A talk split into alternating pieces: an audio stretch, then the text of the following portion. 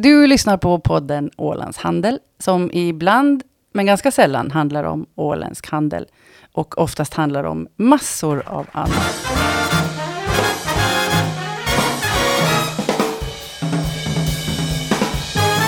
Välkomna till podden Ålands Handel. Och vi är tillbaka till ordningen när vi kan börja räkna avsnitt.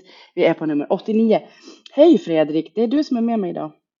Ja, hejsan Anna, hur, hur är läget med dig? Ja, men det är väl eh, lite sådär. Vi sitter på distans nu ifall man undrar varför vi låter lite som att vi sitter i varsin burk. ja.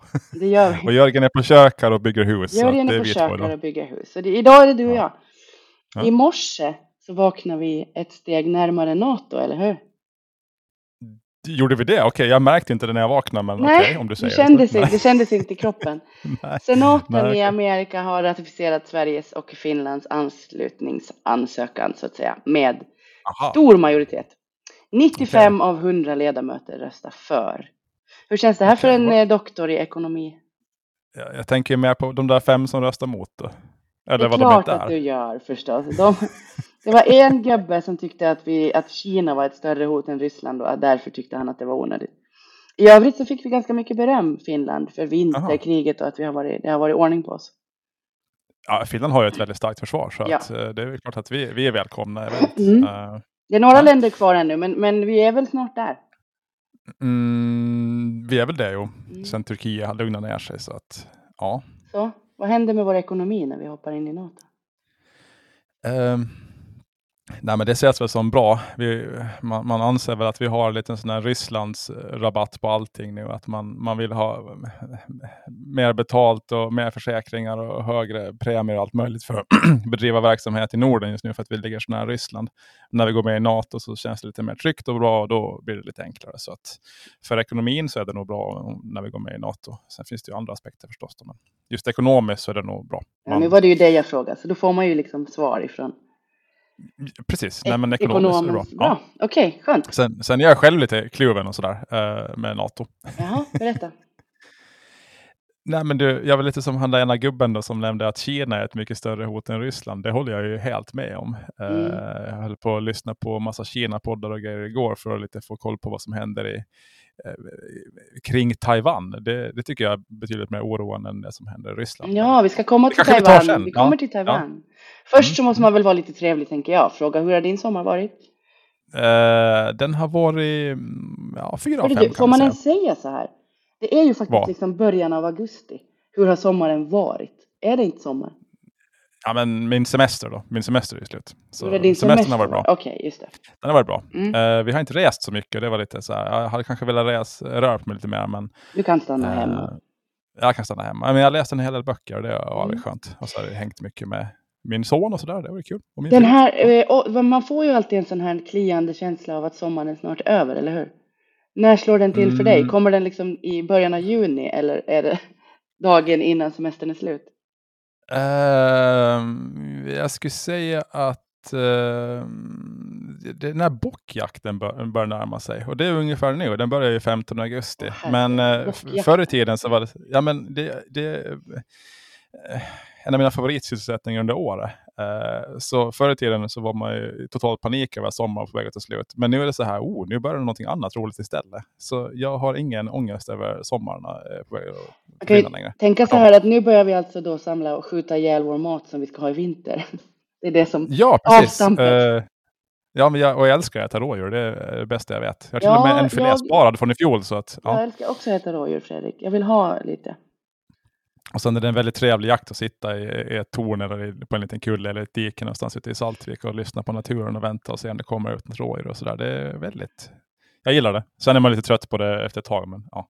Nu Kan så du, här du känns det säga vad som var bäst och sämst med sommaren 2022?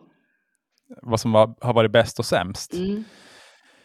Eh, nu kommer kanske inte min fru att gilla det här då, men alltså det bästa med sommaren 2022 har varit att mitt favoritlag i fotboll har vunnit allt.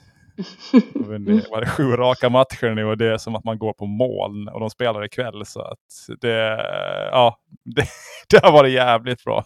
Okej, skönt. Eh, absolut. Mm. Sämsta, alltså jag, jag tycker väldigt mycket om de få dagar det är liksom vindstilla. Eh, sådär på, I synnerhet på kvällen och på dagen och sådär. Vi bor ju vid, vid en fjärd och sådär. Mm. det har inte varit en enda sån dag tror jag på hela sommaren, där det har varit vindstilla. Uh, och det är lite synd. Um, det har varit någon, det har varit liksom en halvtimme. Ja. Vad sa du? Någon kväll har ju varit fin. Nej det, nej, det har inte varit någon som har varit riktigt. Det var häromdagen så var det så här, det vände från nord till syd, så det var liksom vindstilla kanske en timme. Okay. Men uh, det har inte varit någon sån där stråk där det varit helt platt jättelänge. Det, det, det kan jag ångra lite. Men alltså herregud, vilka lyxproblem. Uh, ja, det har varit okay. bra. Själv då, bäst och sämst? Ja men alltså, jag skulle faktiskt, jag vet inte, ja kan man säga så här? Jag skulle vilja ge en eloge faktiskt till Calypso-baren på Indigo. Jag tycker kanske att det är det bästa som har hänt på sommar Åland faktiskt. Jaha, jag har aldrig varit dit. Nej, jag förstår det Fredrik, för du sitter ute i Finström hela kvällarna. Mm, att uppfostra barn. Vi andra ja. som, som vars ja. barn nu börjar vara ointresserade av oss som måste ju, själva måste ju roa oss lite på något ja. sätt. Och då är det väldigt trevligt där. Ett himla halabaloo. Sämst, mm. jag vet det var ju... Generellt sämst ja. sommar är väl alltid typ sand i skorna och skoskav. Sand i skorna är väl ingen fara? Det är väl lite skönt ändå? Uh, det känns ju somrigt. Jo, oh, det är sant. Nej, men jag vet inte, jag har inte så mycket dåligt med den här sommaren. Den har varit bra. Nej, okej. Okay. min andra bra, jag fick, kom på en till. Det var ju mm. när vi var med, med lilla Ivar på hans första match med, med Djurgården. Det var roligt. Det tyckte han om? Två, eh, ja, helt okej. Okay. Mm. eh, det var lite skrämmande. Jag menar, det, 20 000 människor som inte ställer sig upp och skriker och höttar med nävarna. Ut, ja. ja. ja, det är lite så här, vad händer här? Han har ju aldrig sett en människa i sitt liv. Han är ett coronabarn. Aldrig och nu är det liksom, vi var på en arena. Ja, det var lika många människor där som på hela Åland. Liksom, så att, och sen blev det 5-0, så de, de ställde sig väldigt ofta och, och skrek och gapade. Och så där, så att, men eh, han tyckte nog det var kul. Okej. Okay. Ja. Mm. Ja men alltså på något sätt, sommaren är ju alltid en sån här period där allting lite så här suddas ut, eller hur? Det är som när man suddar blicken och så bara flyter saker ihop. Vilken dag var det här? När var vi på picknick? Mm. Alltså det är ju inte bara för att man har varit i Calypso-baren förstås. Utan det... Nej, men så där var det för mig när jag bodde i Singapore och Malaysia när det var samma väder året runt. Och suddades hela året ihop. Men jag fattar. Så man hade ingen du... aning om när man gjorde någonting. Du har läst mycket böcker sa du? Ja. Vad har du läst? Uh, jag har läst två böcker av Nassim Nicholas Taleb. Uh, han som egentligen popul populariserade uttrycket Black Swan, om du känner till det. Du vet en, en svart svan, en sån här galen händelse som dyker upp liksom. Som ingen hade ingen kunnat förutspå. Mm. Ja, de två var, en, en av boken som jag läste av honom, uh, Antifragile, var extremt bra. Den andra boken, uh, vad hette den? Den hette Fool by Randomness. Den var helt okej. Okay. Den var inte lika bra.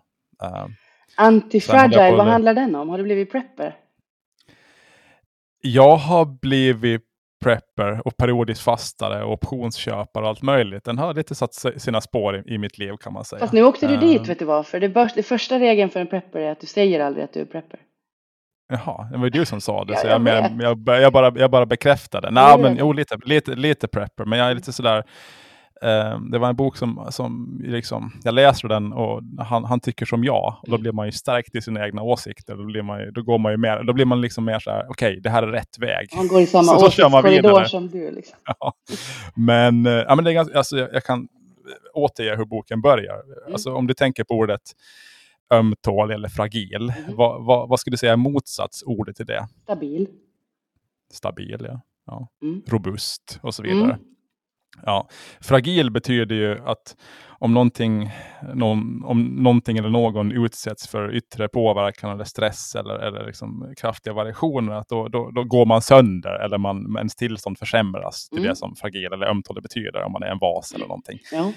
Eh, men robust eller, eller tålig, det betyder bara att man, man kan stå emot yttre tryck vill säga en, en, en, en robust eh, vas går helt enkelt inte sönder när man slår på den. Mm. Men hans poäng då är att det finns ju även den egentliga motsatsen till fragil är antifragil, det vill säga någonting eller någon som förbättras alltså, av yttre stress och, och negativ påverkan. Uh, mm. Men det, vi, har, vi har inget ord för det riktigt. Sådär. Okay. Vi har ju inte. Nej. Man ser liksom som ett, om man, om man talar om ett, liksom, ett robust företag, och sådär, det är mm. ett företag som klarar av när det blåser. Men vi har ju inget ord riktigt för ett företag som blir när det blåser blir bättre uh, av det. Och det, det, är faktiskt en ganska bra poäng tycker jag. Och det är den poängen hela boken bygger på. Att man, man ska nyttja motgångarna för att bli ännu bättre på det man håller på med. Ja, man ska dels kunna vara liksom opportun och kunna utnyttja när det inte riktigt går som man har tänkt sig. Eh, eller när mm. det sker kraftiga förändringar. Eller hitta eh, fragilitet i tillvaron. Jag menar, i, sitt, i, i, sig själv eller i, i sin familj eller sitt företag eller i samhälle och sådär. Eh, mm. Och, jag tänker väl mig ja. också det här att den som har bäst förmåga att förändras och våga ändra på sig eh, kan bli vinnare. Mm, ja, det, det Anpassa det, sig helt enkelt till rådande ja, det, omständigheter. Det, det, det är antifragilt. Just, sådär. Bra. Ja. Sen är det central tes hos honom att han... Jag får låna den här boken att, av dig. Ja, han, han, han anser att vi, vi tenderar hela tiden att underskatta risken eller möjligheten för väldigt osannolika händelser som kan få väldigt, väldigt stora konsekvenser, antingen både bra eller positiva. Mm -hmm. Sådär. Du, du, är han, både han, lite skrajare nu och lite mer antifragil? Eh, när man blir väl kanske mindre skraj. Sådär. Mm. För jag menar, om, jag menar, om man tar ett exempel. Så här, eh, om privatekonomi, vi pratar om, du och jag pratar om privatekonomi ganska mycket. Ja. Så liksom en, en, en fragil privatekonomi, det är en, typexempel är ju en, en, person då, eller en familj som har liksom, jag menar, ett fast och till synes väldigt tryggt jobb med, med liksom ganska hög lön och sådär. Men också väldigt höga fasta utgifter, kanske ett stort bostadslån och sådär. Uh, och det betyder att liksom, hela lönen går varje månad i princip till att betala de här liksom, bostadslånen och, och maten och allt möjligt och sådär. Och allt går bra liksom, månad efter månad, år efter år. Det är otroligt stabilt. Det kommer in exakt samma lön varje månad. Det kanske ökar till och med lite grann år mm. efter år, men det gör även utgifterna och sådär. Och det här, liksom, det här är ju sinnebilden av att det här är stabilt. Det är totalt riskfritt. Men sen händer det någonting. Man blir sjuk eller man får sparken. Och då är det liksom total katastrof. Man får sälja huset man fragil. Ja, ja, man var fragil. Mm. Uh, det här är liksom då i motsats till en kanske, okej okay, nu låter det här som att jag tar mig själv, men en frilansande företagare eller mm. Eh, liksom en taxichaffis vars intäkter varierar kraftigt månad till månad. Vissa månader tjänar man noll, andra månader tjänar man 10 000. Liksom, det går upp och ner hela tiden. Uh, man har en bra buffert och låga fasta kostnader. Ett sånt kan ju tyckas för en person som att det här är väldigt riskabelt och osäkert och instabilt. Men tvärt, tvärtom så är det här väldigt antifragilt. Att man, ja, just det. Framförallt hos som... banken så de brukar ju vara väldigt skeptiska till människor som lever något sånt här gig gigliv. Ja, men egentligen så är det mm. betydligt säkrare. För du, du, i, när det händer någonting, chocker mm. sådär, så du, då klarar man av det. Du har lärt dig liksom, mycket Fredrik. Ja, ja, precis. Men så här, om man tar en vanlig person, skulle du klara, om du liksom tjänar, eh, säg, eh, 90 000 euro det här året. Eh, kommer du att klara dig bra på det? De flesta skulle säga jo, det går bra. Mm. Men om du tjänar noll de första 11 månaderna och 90 000 månad 12, hur går det då? För de flesta skulle det gå väldigt dåligt. De, mm. de klarar inte av så stora variationer.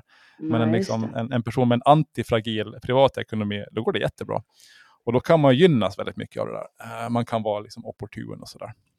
Så, sådär. Så, då, ja, ja, okej. Och då ger det förstås mig möjligheten att ta chansen när ja. det här oförutsedda händer.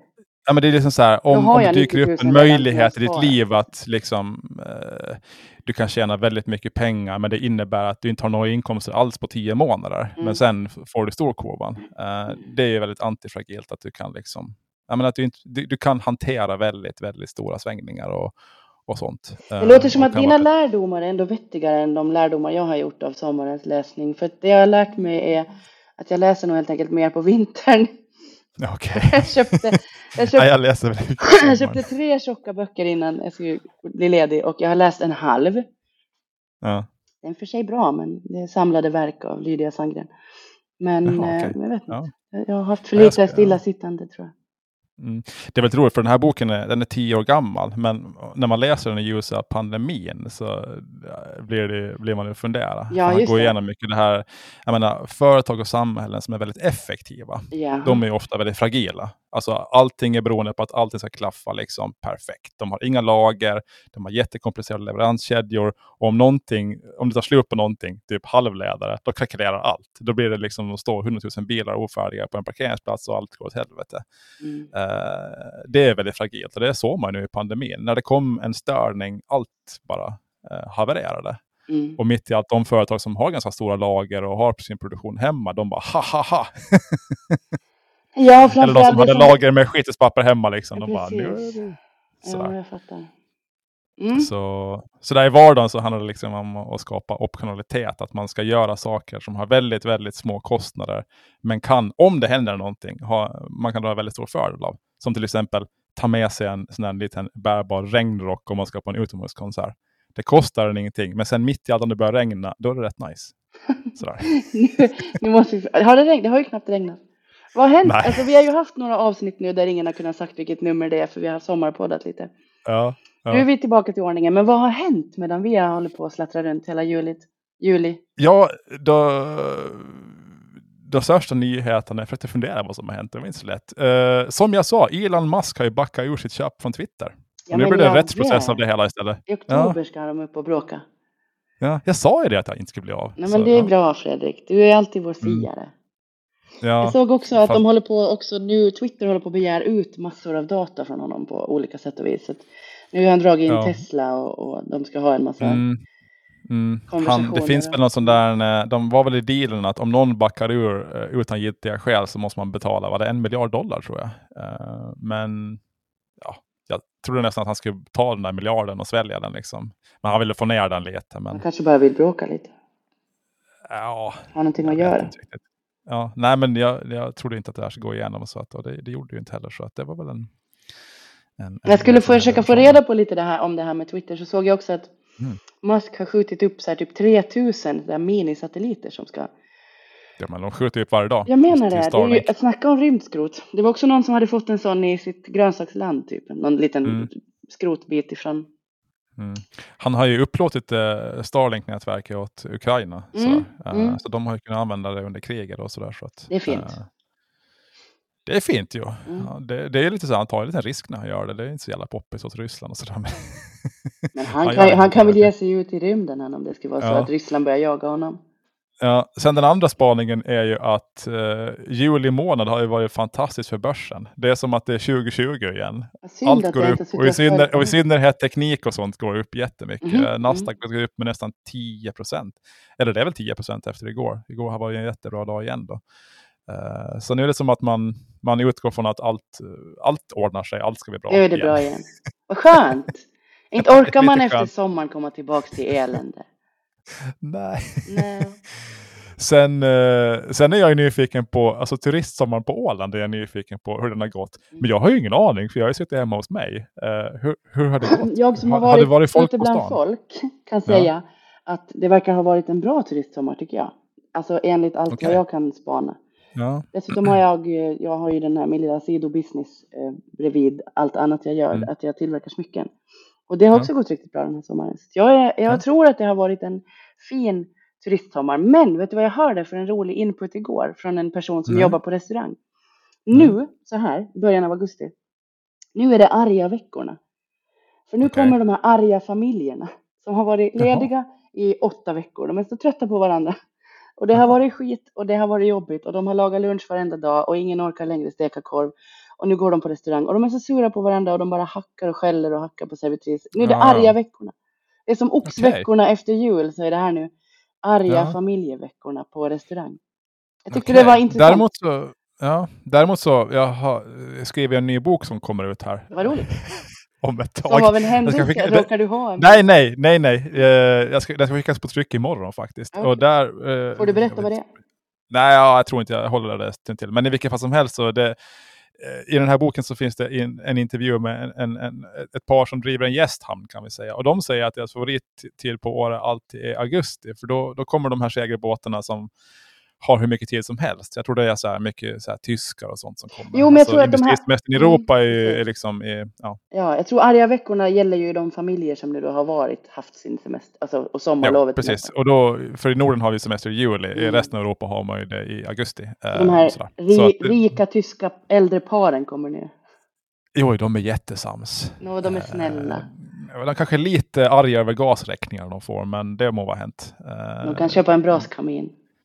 Ja, mm. precis. Ja, nej, men vi tror väl att den har varit bra. De, de saker jag läser så här, i den stora världen om data och sådär tyder ju på att folk alltså, har spenderat som aldrig förr på den här semestern. De har haft liksom helt sjuka semesterbudgetar för att de inte har fått resa på flera år. Så, mm. Ja. Mm. Ser man inte i, i turistbranschen. De använder inte sina pengar för att bli antifragila utan nu ska de ut. Precis, ja. Ut ja. Bort, bort. Ja. Vet du vad som också har hänt? Det har uh, hänt ganska nyligen nej. alltså. Micke Björklund har lagat mårdhund till middag. Har du sett jag det? vet. Och, eh, orsaken till att jag sett det är att det, det, var lunchen och middagen bestod av att han var hemma hos min pappa och lagade, laga, laga middagen. Så min pappa är då med i det här samma program eh, tydligen. Aha, okej. Okay. Ja, men det är ju Yle, hans... Yle som är här med eh, tv-programmet ja. Närmat och eh, filmar. Ja, och jag har sett... Äta mårdhund? Om vi ska äta mårdhund? Mm. Uh, De nej, säger ju jag, att det var gott. Ja, men jag tycker inte, alltså ja visst, alltså mårdhunden ska ju eh, eh, alltså utrotas från Åland. Det låter det som, en, som att det skulle vara liksom Hitlers läkare här, men den är ju invasiv och den är inget bra. Så det, det, det ska ju på sikt... Ja, men vi, jo, vi kan äta upp dem, men den ska ju bort. Då. Så det ska ju inte vara så att vi liksom bygger upp massa mårdhundsrecept och mitt i allt. För då blir det så här att ja, men det är ett jaktbart vilt som är gott att äta. Vi ska ha kvar den här. Så jag, tror, jag tycker inte det är riktigt helt bra. Men, ja. Okej. Okay. Nej men visst, alltså, jo, man ska, allt ätbart vilt ska man ta tillvara. boken med Micke Björklund. Nej. Nej, och sen är det sådär liksom om, om ett vilt anses vara ätbart så måste man ta tillvara på det och då blir det så här, okej, okay, jättemånga är sugna på att jaga mårdhund då om de har liksom en skyldighet att checka upp dem, det tror jag inte. Nu, mm, okay. så, ja, jag är lite kluven till det där. Men, okay. mm. Nu kommer det en punkt här på vårt, äh, vår agenda som du får ta. Den, den är din. Nu kommer Dr. Doom Dr. här. Doom kommer. Nej men det är lite sådär, eh, vi är ju tillbaka i den här, jag sa ju det med börsen allt det där. Nu ska alla, vi vara glada, liksom, men nu tänker du all... sopa ner oss igen. Ja, för jag satt och läste häromdagen. IMF kommer ju två gånger per år med sin World Economic Outlook mm. eh, och sen två gånger per år så gör de en uppdatering. För de som inte vet vad IMF betyder så kan vi förklara förkortningen eller? Eh, internationella valutafonden. Precis. Och det de tittar på det egentligen, hur går det för världsekonomin? Mm. Uh, och om man läser den senaste uppdateringen så vilka dysterkvistar alltså. de, liksom, det, det är liksom, de, de, de säger att alla liksom så här, saker som, som, så här, alltså som, som kan hända, som står och väger, allt som, som liksom kan hända är på nedsidan. Det vill säga det kan bara gå sämre, det kan liksom inte gå bättre. De säger liksom inga, inga liksom så här ljuspunkter som kan hända, utan det är bara så här, om det händer någonting så är det till det värre. Vi har inte nått botten än alltså. Nej, det kan vi ha gjort, men då måste allting gå väldigt bra. De nämner så här, okej, okay, stänger Ryssland av gasen till Europa i vinter? Ja. De har redan minskat sina gasexport med 40 procent. Vi vet ju inte. Uh, det kan hända och det är inget bra om det händer. De, de liksom pekar på siffror vad som händer med vår BNP och energipriser. Att vi måste typ stänga ner mm. halva samhället mm. om det händer och sådär. Uh, inflationen väntar man ju nu då ska upphöra 2024. Uh, vad händer om den biter sig fast mm. uh, och fortsätter? Kina eh, tänker man ju sig att de kommer nog sluta med sin nolltolerans mot covid. Och det kommer inte komma nya, nya varianter av den här av coronaviruset. Vad händer om de fortsätter med nolltoleransen och att det kommer en ny variant som är mer smittsam eller farlig? eh, den kinesiska fastighetssektorn som man ju pratat om ganska mycket när var det? Det var väl egentligen förra hösten. Okay. Där har det inte förbättrats, tvärtom. Det ser ganska risigt ut. Vad händer om den imploderar? Um, sen har vi den här problemet med mm. matpriser då, i, i, i synnerhet i, i, fattiga länder som är beroende av, av i synnerhet import av vete och majs och sådär. Alltså länder som inte kan producera så mycket mat själva. Vad, vad händer om det blir liksom total revolution och kaos där på grund av att folk, det är så dyrt att äta och, och alla bränslepriser och sådär. Plus då att Nancy Pelosi har varit i Taiwan. Så ja, men nu det så här, så de skriver så här liksom att just nu bygger vi vårt basscenario på att inget av det här ovanstående ska hända. Men om något av det ovanstående händer så blir allting mycket värre. Mm. så, så, det är lite sådär. Hur ser framtiden att, ut? Det känns som att vi är lite tillbaka i 2020 eller så 2021. Att man, alla utgår från att det, vi kommer att leva i de bästa av alla världar. Och det är kanske bra. Uh, men. Ja men alltså på något sätt kan jag tänka så här, vad gör man om, och du, du är så, gloomy and more uncertain mm. säger de, säger IMF. Ja, det är rubriken för deras uppdatering. alltså det är dyster och mer osäker. Men eh, alltså jag... Det, jag tycker att hela världen verkar, jag tänker så här när man, om man ska, ska sminka bort så här gloomy face, mm. då ska mm. man tuta på lite saker, lite highlighter där och lite rouge där, du vet. Så det känns jo. ju som att världen vill ju hellre ha det så, eller hur? Mm. Du tar på lite. Jo, jo. Jo, men det är ju så här, även om, om, om det händer okay. jobbiga saker i världen så, så kan man ha det ganska skoj. Alltså så här överlag. Jag menar även under För mig liksom, blir det tvärtom. Jag känner så här, det är då ja. man ska ha skoj alltså. Ja. Om jorden Sen var det kanske lite speciellt under pandemin i och med att mycket av det folk tyckte om att göra så var inte möjligt och sådär. Men inte skulle jag väl säga att pandemin har varit någon, en sämre period i mitt liv än någon annan. Mm, det egentligen, var det. sådär. Men du, du nämnde man- Nancy Pelosi. Ska vi plocka upp henne Mm. lite? Hon, hon har skit i det blå skåpet som man säger. Alltså det var ju, jag, när jag körde hem då så lyssnade jag på, på P4 Ja. eh, den där dagen när hon var i Taiwan. Och det var så roligt för innan kvart i fem ekot då, Mm. eh, så höll de på så här, ja nu ser vi på flightradar.com Ja, världens mest spårade plan säger de. Någonsin. Inget flygplan har någonsin nu, varit så nu, nu, nu, nu är det ett plan som Nancy Pelosi tros vara på som har äntrat taiwanesiskt luftrum. Så här. Vi följer med det här. Ska vi dra, eh, de- vänta vi kan ta lite ref, vad heter Ja. det, referat här. Alltså det är ju USAs talman. Trots Ja, och goda råd, trots va? Ja. bättre vetande, trots att folk säger nej för uh, stanna Ja. hemma. Så har hon alltså tagit flyget till Taiwan och sagt hello. Ja, som inget eh, egentligen, eller undantaget några få önationer, ingen erkänner dem som ett land och ingen har diplomatiska förbindelser med dem. I synnerhet Kina Ja. är inte jätteglada. Nej, för att om man har diplomatiska förbindelser med Taiwan så får man inte ha det med Kina. Det är bara en av dem som gäller och de flesta vill ju ändå ha diplomatiska Just förbindelser det, för Taiwan Kina. tycker själva att de är självständiga. Men ingen Ja. erkänner dem, utan Kina menar sig ha suveränitet över den här Ja, lilla ön. Om man tar det tillbaka riktigt från början så var det ju så att Kuomintang styrde Kina. Mhm. Eh, sen blev det inbördeskrig med kommunisterna. Kommunisterna vann. Eh, Kuomintang tog sitt pick och pack och en del annat pack också. En massa, massa artefakter, Okej. artefakter och museiföremål.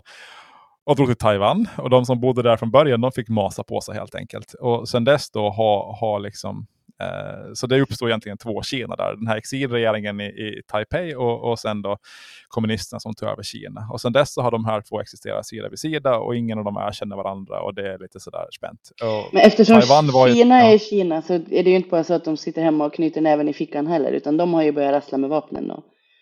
De, de, de säger ju att det, förr eller senare så kommer Taiwan att införlivas i Kina. Eh, och, och, och på alla kinesiska kartor, officiella kartor, så är ju Taiwan redan en provins i Kina. Mm. Eh, om man ska komma ihåg att Taiwan upplevde ett av de största ekonomiska miraklerna som vi har på 1900-talet. De, de är ju extremt ekonomiskt framgångsrika och därmed väldigt militärt potenta också. Eh, och de står ju för typ 80 procent av världens produktion av halvledare och allt möjligt. Så det är ju inte bara sådär. Det är inte, Var det här Ukraina, om man- om man- verkligen en myrstack som, som vi behövde sticka pinnen i nu? Är hon tokig den här kvinnan eller är hon modig? Nja, hon var ju på väg dit redan i mars-april någonting, men då fick hon ju covid. Eh, så hon sköt upp det här Hon har bara gått och väntat. Ja. Men överlag så är det ju så då att Kina är, hårdare och hårdare i sin retorik mot Taiwan. Man, kommer att säga, man säger att liksom alla länder som gör någonting med Taiwan, ni, ni får skit. Det här är ju både Litauen och Tjeckien råkar ut för. Mm. Samtidigt som EU och, och, och, och USA närmar sig Taiwan mer och mer. Och det här är ju på kollisionskurs. Liksom de, de här två går inte att förena. Någonstans så kommer man till en brytningspunkt där det är liksom Så det här stöder Ja, också någon din tes om att Kina egentligen är farligare än Ryssland. Ja men det är tusen gånger farligare. Och nu idag då så har de ju någon de har, de har ju en stor militär övning där de omringar hela Taiwan och skjuter skarpt liksom missiler över ön. Och det är typ en, en blockad av den där ön. Jag menar det, det kan ju hända misstag liksom och då Mm. eskalerar det och sådär. Men ja, så det är lite läskigt. Men eh, mm. Verkligen. jo, men det här kvart i fem ekot då, så, som jag pratade Mm. om. Så de, där sa de ju innan det började så var de så här, nu, nu, nu kan de vara på väg till Taiwan. Och sen när det började kvart i fem ekot bara, nu har hon landat. så det var så här live-uppdatering av var hon var någonstans.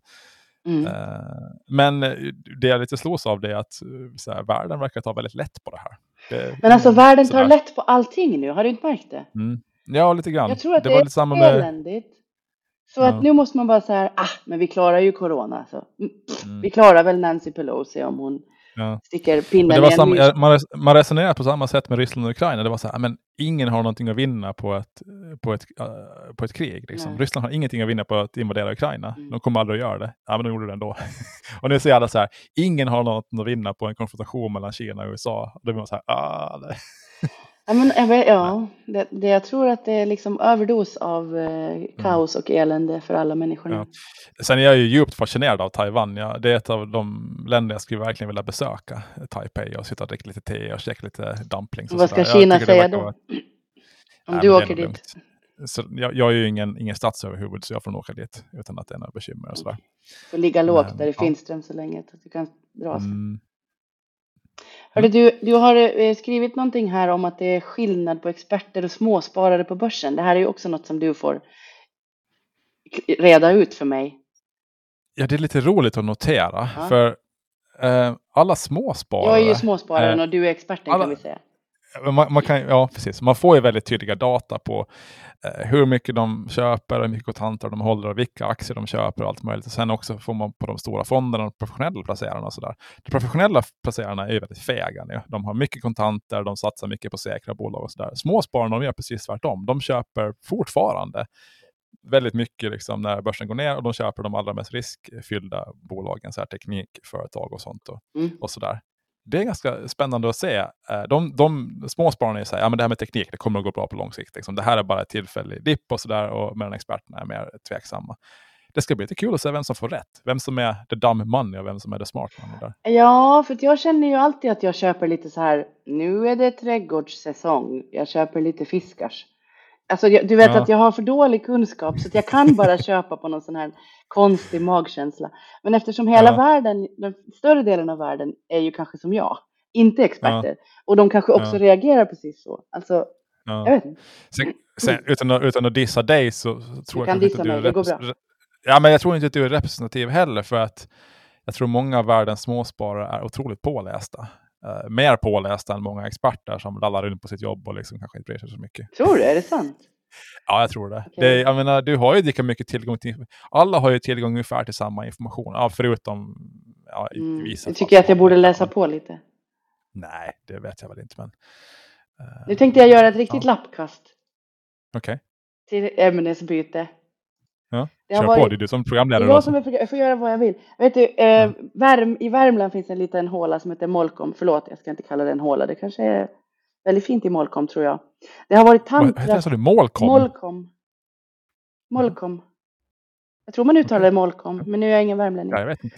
Det har varit tantrafestival igen i eh, Molkom. Det här säger ju de som besöker tantrafestivalen, det är ju helt magiskt.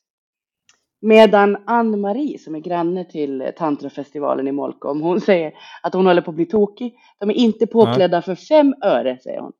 Okay. Eftersom vi vet allting här i podden så tänkte jag att vi skulle avgöra vem som har rätt. Vad säger du? Är det här moralpanik av Ann-Marie eller är det de eh, tantra-gänget som är i moraliskt förfall? Vad är tantra? Är det så här kamasutra? Alltså så här... Ja, men alltså, ja, det, jo, det är väl i princip. Det är egentligen, vad ska man säga, yogisk Alltså det har inte bara med sex att göra, säger de som utövar tantra. Det har inte bara men med sex att göra? För den vanliga Nej. människan som tittar utifrån så har det nog ganska mycket med sex att göra, ja. Okej. Okay. Mm. Det är som yoga fast man ligger med varandra på slutet, eller? Alltså, ja, kanske. Nu inte okay. jag, jag har inte varit i Molkom. Så att... Och det sker det utomhus det här då? Alltså? Ja, det verkar så. Ann-Marie har i alla fall, det värsta hon har sett, det var någon slags eh, blowjob någonstans. Det såg hon. Okay. Det tyckte hon inte okay. om. Men får man, får man hålla på så här där andra människor ser? Uh, ja, alltså på offentlig plats är det väl kanske inte helt lämpligt, men uh, om man håller sig hos sig så jag vet inte riktigt. Vad, uh, ja. vad, vad, gör, vad gör Ann-Marie där? Bor hon precis där då? Alltså? Ja, hon bor där då, när hon tittar ut genom något ja. fönster eller kanske till och med vet du, att hon... Mm. Man kan ju också tänka sig, tycker jag, att Ann-Marie mm. liksom glättar lite på gardinen och faktiskt försöker hålla lite koll på tantrautövarna. Ja, okay. Man har ju ingen aning. Men det handlar ju om liksom... De har ju fått tillstånd att ha sin festival, få. tänker jag. Det bör de ju ha fått. Ja, precis. Men Nej, men det, det går väl nakna liksom. och så här då? Ja, alltså man, alla som bor någonstans, ing, man vill ju inte att någon ska göra någonting runt omkring en. Alltså man blir ju så här galen på någon som klipper gräsmattan eller vad som Nej, helst. Så, jag tänker på, jag har ju börjat vinterbada och då går vi ju faktiskt i nakna, fast väldigt tidigt på morgonen. Men då Jaha. är vi ju egentligen så är vi ju på en offentlig strand så att säga. Okay. Men vi har bestämt oss för att det gör ingenting. Nakna människor kanske är väl inte farligt. Kanske det blir en rat, razzia mot er nu i vinter? Ja, fast vi håller inte på med tantra utan vi går ju i några minuter och sen går vi ur igen. Okay. Mm. I alla fall så har den här, i fjol så var det ju bråk också. Det var inte kul i Molkom då heller. Med ja, var det något covid, covid-tjafs då? Det var massa då var covid? Det covid som... ja, så då fick det, ja. fick det, blev det ett stort utbrott av covid mm. eh, efter mm. tantrafestivalen. Och då blev det ju okay. kritik. I år verkar får man väl säga vad jag har hört på byn i alla fall, att den här legendariska åländska vecka 30 har eh, klubbat stora delar av Åland i covid. Kan du hjälpa Aha. mig att, att sia lite om eh, coronaframtiden? Vart är vi på väg? Det är en ny vaccinationsrunda på gång. Mm. Det finns eh, två varianter av omikron, BA4 och BA5 som verkar lite ilskna. Ja. Samtidigt så uppdaterar vi vaccinerna. Tror du att vi kommer att sitta mörkt och isolerat i vinter igen? Nej, det skulle vara om det kommer fram någon ny variant som är farlig då. Mm. Det är väl det som avgör. Men visst har jag också blivit lite mer försiktigare nu. Uh, Jag är så här, ska jag åka och kolla på fotboll i Stockholm? Jag bara, ja, nu, nu liksom det som var smart med corona nu. Så, här, så att, okay. ja, lite... Så har man ju aldrig egentligen, om vi nu skulle våga oss på att säga att den ändå är lindrigare nu och vi också mm. har ett bättre motstånd i och med mm. högre grad av vaccination. Mm. Så har man ju aldrig tänkt angående liksom förkylning. Ska jag åka Nej, verkligen men... till dit och göra det här för någon kan vara förkyld? Fast där, jag, jag har ändrat Jag vet att man inte där. får säga att covid är en förkylning. Men... Nej, nej. Jag har ändrat mig där efter pandemin. För nu tänker jag verkligen sådär att jag, jag har, under pandemin så man hade inte en förkylning på evigheters evighet och det är väldigt skönt. För jag tycker om liksom att, att träna och sådär. Och, mm. ja, men, liksom att saker är som de är, man kan få på jobb och sådär. Jag orkar inte vara förkyld och hålla på. Mm. Så jag undviker helst det. Och det är därför alltså, jag är typ inte rädd för corona, att man ska typ få några värre fel, men jag skulle inte orka vara sjuk helt enkelt. Är du är hellre ensam och eh, fit där ute i skogen. Ja, man har ju lagt sig till med lite andra vanor. Man har börjat mm. springa mer alltså, under corona. Man har vant sig av lite med att resa och sådär. Så då är det så här, men det, ja, är det värt att resa för att liksom... Det här delar väl världen lite grann nu. De som fick eh, fan i sig och började leva loppan efter att pandemin mm. dog ut lite grann. Och sen de som du då, som, som bara insåg mm. att de trivs med att... Ja, som är lite fega sådär. Sitta själva och vara i skogen. Fundera på att vara antifragil och sådär. Ja, bra. Okej, nu kommer det din punkt till dig igen, varsågod. Jaha. Ja, är du med? I manus? Ja, jag, jag tror det, jag vet inte, men kör. Nej, men det är tio månader sedan Fifax gick in på börsen. Ja, har du följt med hur det har gått för våra fiskodlare? Nej, det har jag inte gjort, Fredrik. Jag, upp, jag lämnar det Jaha. till dig, men det är därför du ja. får köra det här nu. Ja, när de gick in på börsen till kursen, eh, var det 2,55 tror jag det var. Mm. 2,55 euro kunde man teckna. Om man var anställd kunde man teckna till, vad var det? 2,45 kanske. Okay. Det var i alla fall lägre. Ja. Uh, eh, 0,8 står vi i nu. Oh. Det är ner 70 procent. Det svider. Aj. aj, aj, aj. Ja, okej. Okay. Man kan ju säga att de gjorde det bra som gick in på börsen precis där då, den, den hösten. För sen, den hösten har ju allt gått ner ganska mycket. Mm. Som, allt som inte tjänar pengar har gått ner jättemycket. Mm. Så de är ju de är långt ifrån ensamma i den här kategorin bolag som har gått ner med 70 procent. Men det är ju säkert för dem som, som satsar och höll kvar. Ja, jag har ett bolag som jag har trott väldigt mycket på som är nere typ 40-45. Det är jobbigt. Mm. Men jag tror fortfarande okay. på dem och då har du sagt att då ska man vara kvar. Så nu har jag kvar dem. Har jag sagt det? Ja, okay. du har sagt om du tror på deras verksamhet, då ska du behålla. Okej. Okay. Och det gör jag ja. fortsatt. Det handlar inte om Fifax, det mm. handlar om ett annat företag. Ja. Sen kan ju tro och övertygelse vara lite farliga ibland också. Men det är ju då man tar risker. Man har en stark tro på någonting om framtiden. Du är då, så då, hela då tar... tiden bara tar mig ja. ner i mer förvirring när det kommer till pengar, Fredrik. Ja, men jag vet, jag utvecklas, du vet, man läser nya böcker och sådär. Det är helt sant. Om man, om man liksom är helt övertygad om, om någonting, Eh, till exempel att vi får ingen utbrott av covid eh, och så bygger man upp sitt liv kring det, då blir man ju väldigt fragil. Men kan, man är du, kan du då säga till mig, det, kan jag sälja då när de ligger 40 procent back, alltså enligt vad jag har köpt och när, eller måste jag liksom vänta lite? Nej, jag vet inte hur man ska göra nu. Nej, det... Okej, okay, tillbaka till Fifax. De har ju haft lite andra ja. problem också. Uh. Ja, de tvingas ju slakta all, ja, de tvingas slakta all fisk nu och sanera hela anläggningen och permittera var det 26 personer. Så här, personalen, oh, så där. Det, mm. det, det, går inget bra. Nej, kan vi prata om något som går bra istället? Uh, ja. Vad ska det vara? Aprikoser? Aprikoser! Den första ålen, jag tycker mycket bättre att prata om, om sånt som går bra. Okay. Det är du som är den svartsynta här. Ja. Jag är den här som lägger lite smink på kinderna och tänker att gloomy mm. world economy, det räddar vi nog upp. Ja, okay. Den första åländska aprikosskörden är på gång. Lovar mm. gott, säger de. Ja. Vad säger du, om vi nu kan odla lite mer värmekrävande grödor här hos oss i framtiden, vad skulle du vilja ha? Vad saknar du? Vad jag saknar, citrusfrukter skulle ju vara helt fantastiskt. Mm, men det är mm. kanske lite önsketänkande. Fast det är svårt, um, menar... det är svårt att ersätta. Man kan, mm. har jag hört av en kock som jag känner, att man skulle kunna testa, för det är ju hög syra man vill åt när man använder till exempel citron i mat. Och det har vi ju sannerligen som bara växer mm. i, vid våra stränder i form av havtorn. Jo, men det jag mest vill åt med citrusfrukter det är ju uh, alltså, uh, färskpressade blodapelsiner. och det, det går ju inte men med. Men vet du hur gott det är med havtornssaft? Um, det är faktiskt helt okej. Okay, mm. Jag påminner mig att jag borde pressa havtorn. Ja. Vi har ju hav jag känner att det är svårare med avokado. Mm, Okej. Okay. Alltså det ja, finns ju ingenting syrligt här. Jag, jag, tycker ju väldigt mycket om avokado. Och det är ju ett mm. enormt mm. problem. Finns ju till och med en dokumentär tror jag, va? är det Netflix? Om ja. eh, avokadokriget. Det är riktigt illa. De kräver ju extremt mycket vatten. Mm. Eh, de odlar sig på, ett, på en plats på världen där det är väldigt torrt. Precis. jag tänker mig att jag skulle vilja odla avokado om det skulle gå här.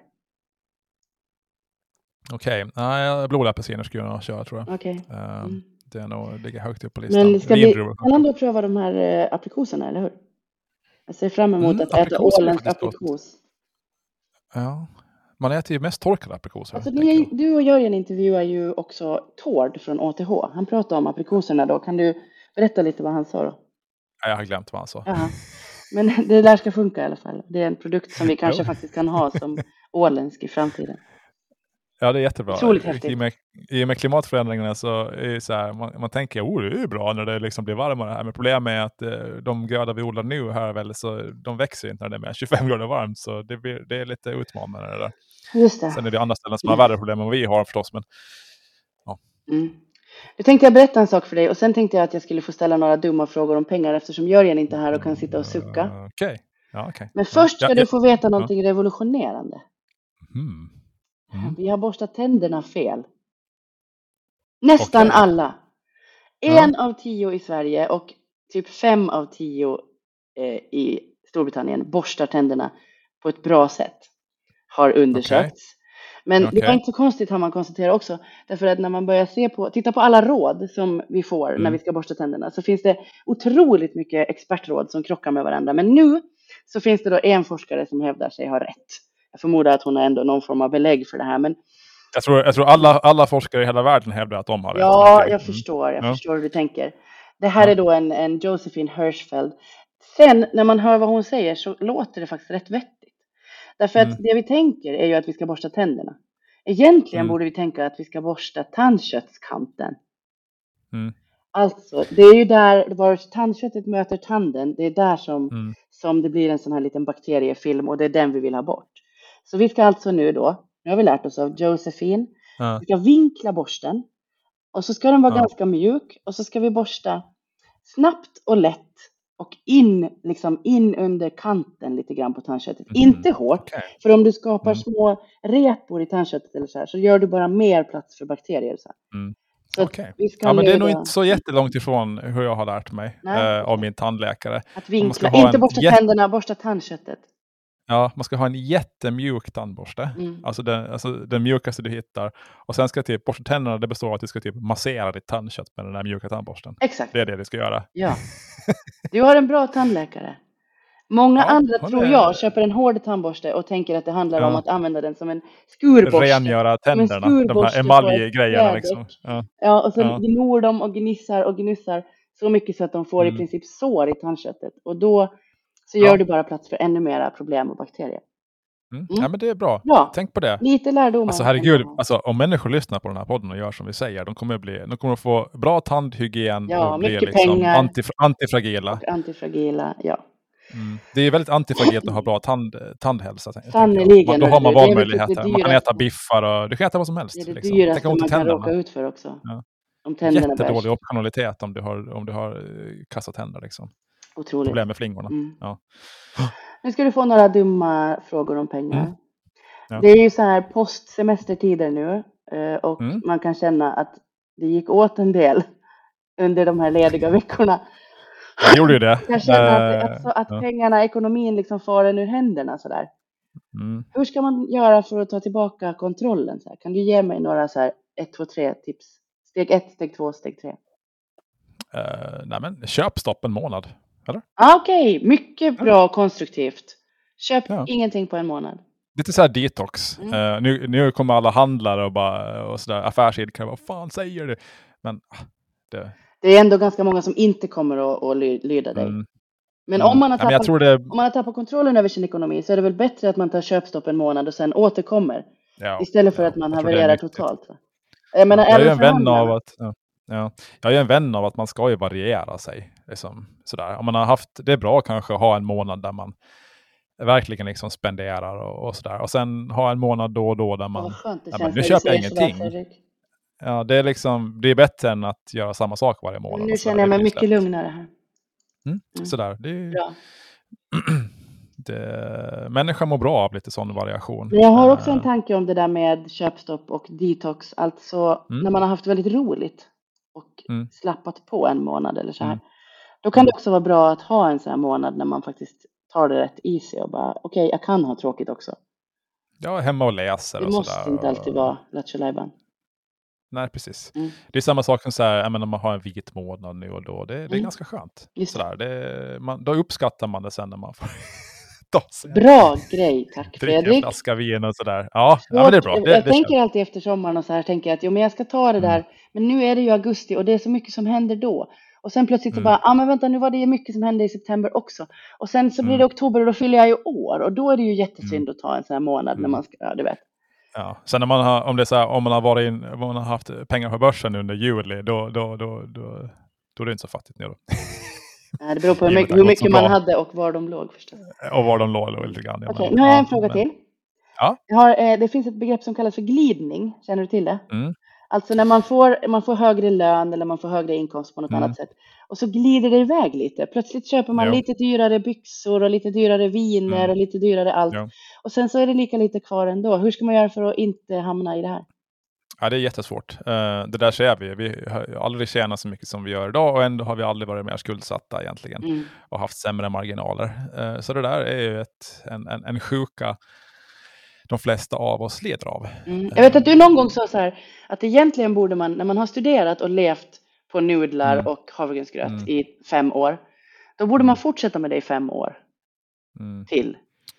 Ja. Fast det gör ju ingen vettig människa. Nej, Nej men det, det, det är knepigt det där. Det, ja, hur gör man? Mm. En, en sak som han här noterar, jag vet inte om man inte höll med i den här boken, eh, det tror det var i den här Antifragile-boken, mm. han, han pratar om den här treadmill effekt tror jag det var. Att du, har, du köper någonting och sen är du, du liksom, eller konsumerar något och sen tiden du är nöjd med det här köpet är, är ofta väldigt kort. Mm. Du vill ha någonting nytt och nytt och nytt och sådär. Eh, det där kan du undvika genom att köpa alltså gamla saker, typ antikviteter och, och sånt. Uh, där är de ganska små de här effekterna. Om du köper, till exempel om jag tar mina Chesterfield-soffor som vi köpte, jag vet inte hur länge sedan det var. Ja, då frågade du mig om kanske. råd. Kan man köpa gröna Chesterfield-soffor? Och jag sa ja, ja det kan man. Ja. Inte en enda gång under dessa fem år har jag tänkt jag skulle, hellre, jag skulle vilja ha nya soffor. Jag skulle vilja ha något annat ställe. Inte ens när du har klibbat fast med bara lår och så här på sommaren. Nej, för vi har AC inne så att okay, man klipper aldrig fast. Men överlag så här, men om du köper mm. Mm. Äh, gamla saker som inte har en knapp på sig, alltså elektronik och sånt, uh. då är du ofta väldigt nöjd med dem och, och, och sådär. Problemet är köper alltså en ny telefon eller en ny dator eller en mm. ny bil. Det är typ Men det handlar väl också kanske om att de här är lite mer unika. Det finns inte jättemånga. Du känner att du gjorde ett fynd på något vis. Mm. Någonting stabilt, lite kanske dyrare ändå och så här. Och det kommer inte ut en bättre modell imorgon Nej, som får dig att känna FOMO och så här bara shit den där vill jag ha istället. Jag skulle haft en rosa Chesterfield. Så det är väl kanske att liksom så här vad, man, vad man konsumerar och sådär mm. också. Men det, det, är svårt att undvika det här. Det är, annat sätt är att försöka ha ett mål. Att jag, jag ska liksom spara ja, men, säg 50% av min lön varje månad. Och sen när man får högre inkomster då kan man ju konsumera mer men då sparar man också samtidigt mer. Också. Och sen gör man som det här att man tar en månad i året när man bara låter det fara iväg. Mm, För skojs skull. Ja. Okay. Nu har jag en fråga till. Jag tror att du kommer svara nej. Men jag tänkte ändå mm. att jag skulle fråga, har du några så ekonomiska förebilder? Typ så här idoler? Sådana människor som... När det gäller liksom privatekonomi eller så vetenskap? Eller ja, du får bestämma. Är det nu den här, eh, kanske då han eh, Nassim Nicholas Taleb? Mm. Uh, jo, men han tycker jag sen. Han, jag tycker han har väldigt många dumma åsikter också. Okej, okay. Antifragile var bra, men sen finns det annat som... Nej, men han, han, han har liksom, han, han är, det är en otroligt speciell person. som tror att han är världsmästare och vet allt och sådär. Sen Okay. han, han gör ju inte det och sådär. Men, ja, men han är nog han är nog en liten så ny, nyfunnen eh, idol, Mm. eh, skulle jag säga. Sen, jag, jag har andra eh, som jag tycker har väldigt kloka åsikter och som jag lyssnar väldigt mycket på. Och sådär. Men de är hemliga eller? Jag, alltså jag, jag kommer knappt ihåg vad de heter. Då är det inte idoler Fredrik. Nej, men det är sådana som är med i någon podd då och då och är så här, shit, han är här igen. Han är så jäkla smart och säger en massa smarta saker och sådär. Okej. Uh, jag lyssnade på den här om dagen som, jag kommer inte ihåg vad han heter. Så ja, jag får kolla upp det till någon annan gång, komma med lite tips och sådär. Men Mm. överlag så, mina idoler är ofta väldigt så här, historiskt eh, intresserade och kan dra paralleller till historien och sådär. Och det handlar Taleb också väldigt mycket och sådär. Uh, sen finns det andra som ja, men kan dra så historiska paralleller och sånt. Mm. Jag tror Jörgen skulle gilla när Taleb. Han är lite sådär, han, hans filosofi och sätt att tänka på, på marknader och, och livet och sådär grundar sig väldigt, mycket i stoicismen. Men nu vill jag låna Jörgen boken är- först. Ja. Jag står först i kön och sen får Jörgen låna boken. Mm. Mm. Okej? Så, ja. Bra. Hörru du, jag tänker att vi ska dra ihop det här eh, påsen med eh, lite hyllningar, precis som vi brukar. Mm. Och eftersom jag är programledare idag så får du börja. Okej, eh, som vanligt har jag inte förberett någonting då. Men- Eh, jag måste fundera. Ja, ja, ja, men jag måste, eh, ja, ja, jag får hylla min pappa. Dra någon ur hatten, det var, precis. nej, jag hyllar min, min pappa. Ja. Han, ja, han var och hjälpte mig rigga upp lite utrustning för trollingfiske efter gös här, och, Mm. här tidigare i veckan. Och så, han var lite nervös över han skulle fiska flundror då åt Micke Björklund som skulle komma hem till honom och käka flundror och laga mat och sådär Okej. i det här tv-programmet. Han var lite nervös över hur det skulle gå det där, om, det skulle få, om man skulle få några flundror. Det är ju inte så lätt nu för tiden att få flundror. Nej. Eh, och så fick han, inte många, det var 40 eller 60 flundror på några nät. Och, och sådär. Och de, han har Micke och han andra programledaren var så här liksom. Ja, de pratade om min pappa som typ att han var Guds gåva till, till, till, liksom, Jag är beredd att hålla till, med. till, alla, alltså. till alla fiskare. Sådär, liksom. De, de men framhävde honom, Mm. han var liksom Östersjöns bästa fiskare. så det var bra att han försvarar familjeherden känner jag, att vi, vi kan fiska och sådär. Det, det får mig att må bättre när jag själv mest sportar med att typ sänka mina båtar och sådär och inte få någonting. Så att, Mhm. ja. Det har varit dåligt med gös. Det var bra jobbat av honom att, att dra upp eh, lite, eh, eller Bra jobbat Fredriks pappa. Vad heter din pappa? Eh, Åke heter han. Ni kan säkert se det. De har ju en blogg eh, där de, eh, och det kommer väl med på tv sen också. Sådär. Jo, jag har kollat bloggen lite grann. Mm. Det var inte bara mårdhund, det var flundror också. Det är bra. Ja, det var, det var Jag tror ändå att flundror, alltså det, det är nog kanske det bästa jag vet. Ja, jag fick en leverans av honom i fjol som jag själv rökte i, i röken. Han har byggt åt mig och Mm. det är ju så jäkla gott. Alltså, Mm. det är fl- rökta flundror. Oh, Mm. Det, ja, rådjur kanske är godare, men det, är- det är där på ribban alltså. Okej, Härligt. Ja. Nu är det min hyllning. Mm. Jag tänkte jag skulle hylla någonting som händer nästa vecka. Det är nämligen Nordiska mästerskapen för Islands häst. Och jag Ja. skulle vilja hylla dem som står bakom det här evenemanget för att det drar ju hit en enorm massa människor. Alltså tusentals eh, hästfästare ska komma till Åland och eh, hänga med varandra och eh, rida på små gulliga hästar. Förlåt, nu låter det som att jag drar ner de här som pys- pyssel. Ja, men jag tycker det- li, li, li, lilla vän. Lilla vän, lilla, vad vilka fina häst, Ja. gulliga hästar ni har med. Nej men alltså Ja. det här är ju jättestort. Det är, alltså, det är Mm. över 200 starter, eller vad, jag kommer inte ihåg Ja. exakt siffran. Men alltså det är en riktig baluns det här. Och jag vill verkligen hylla dem som står bakom det här. Jag nämner inga namn, för då Nej. missar jag säkert någon. Men det är ett Jaha. stort gäng som har förverkligat det här. De är Ja. grymma på social media-arbete dessutom har jag sett. Okej, Och eh, de drar hit fantastiskt mycket folk som är här eh, nästa vecka. kul. Jörgen hyllade de här faktiskt eh, tidigare i våras. Mm. Och då sa Mm. vi något svårt ögonblick, vi borde sända podd från eh, NM i islandshästar. Ska vi göra det nu nästa ja, vecka? det tycker jag faktiskt att vi ska försöka. Ska vi göra så att vi ger ett litet löfte att vi försöker? Vi försöker sända podden från NM i islandshästar. Vi spekulerar lite grann där hur det såg ut på. Alltså, de hoppar de och sådär? Eller liksom, Nej, de springer väl mest. mhm, är det Mm. kapplöpning? Nej, men alltså nu är ju jag ingen nordisk mästare i islandshäst direkt. Nej, det var därför vi skulle få lite podd, för vi skulle lära oss lite mer. Vi får, vi får slå dem en signal helt enkelt och se om vi får komma. Jo, jag tycker Ja. det. Ja. Vi, rekt, vi riktar en direkt fråga till eh, Lis Mattsson här. Får vi Skulle komma och att, podda? an, skulle du säga att, att islandshästen är antifragil som hästras? Jag tror att det är en av de mest antifragila hästarna som finns faktiskt. Ja, liten och ettrig och sådär. Ja, inte den ettrig, den är ju dessutom snäll. Vad ja. jag har förstått. Alltså det är en väldigt har vuxit upp på Island liksom. Mm. Jag tror att det är ja. en, en grymt bra häst. Bra. Det vore otroligt roligt. Kan vi, vi försöker lösa det här. Nu säger vi eh, för den här dagen i alla fall tack och förlåt. Tack och förlåt. Nu har du lyssnat så här långt, så nu kan du ge oss en liten stund till tycker vi. Du kan gå in på Spotify och prenumerera på podden Ålands Handel.